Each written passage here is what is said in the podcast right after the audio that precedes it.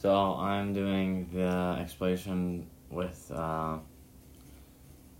the matrices, and so first one is use this idea to find mn when m equals all these numbers and n equals all these numbers. So the answer to that one is it's 4, 12, negative 5, 19, 27, 32, 7, 18, 123. But how do you get that?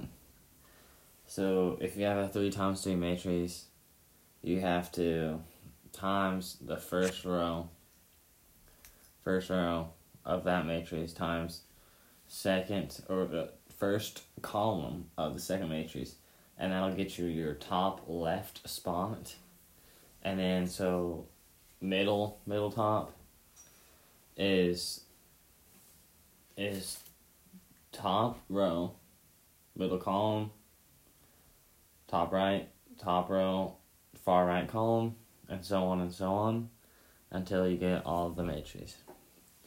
Next, uh, next is show that one zero zero zero one zero zero zero one is the identity matrix for three times three. So I tested out one and I also so the reason that the that it is an identity matrix for three is when you times the top row or you times a row by that column and the place where you place it. So per se I'm trying to get the top left spot. The one is in a place so that when I times it, it times the rest of the numbers by zero and only times the one by one, so it equals one. And then per se, if I'm trying to get the, the top middle, I would times the top row by the middle column. And so the uh, right and left numbers are times by zero. And then the middle numbers times by one, so that I get that number again.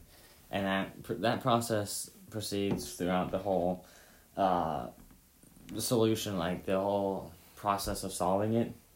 So basically, the the only number that you, that you have there is that's times by one is in the same place as the number in the matrix before. That's all.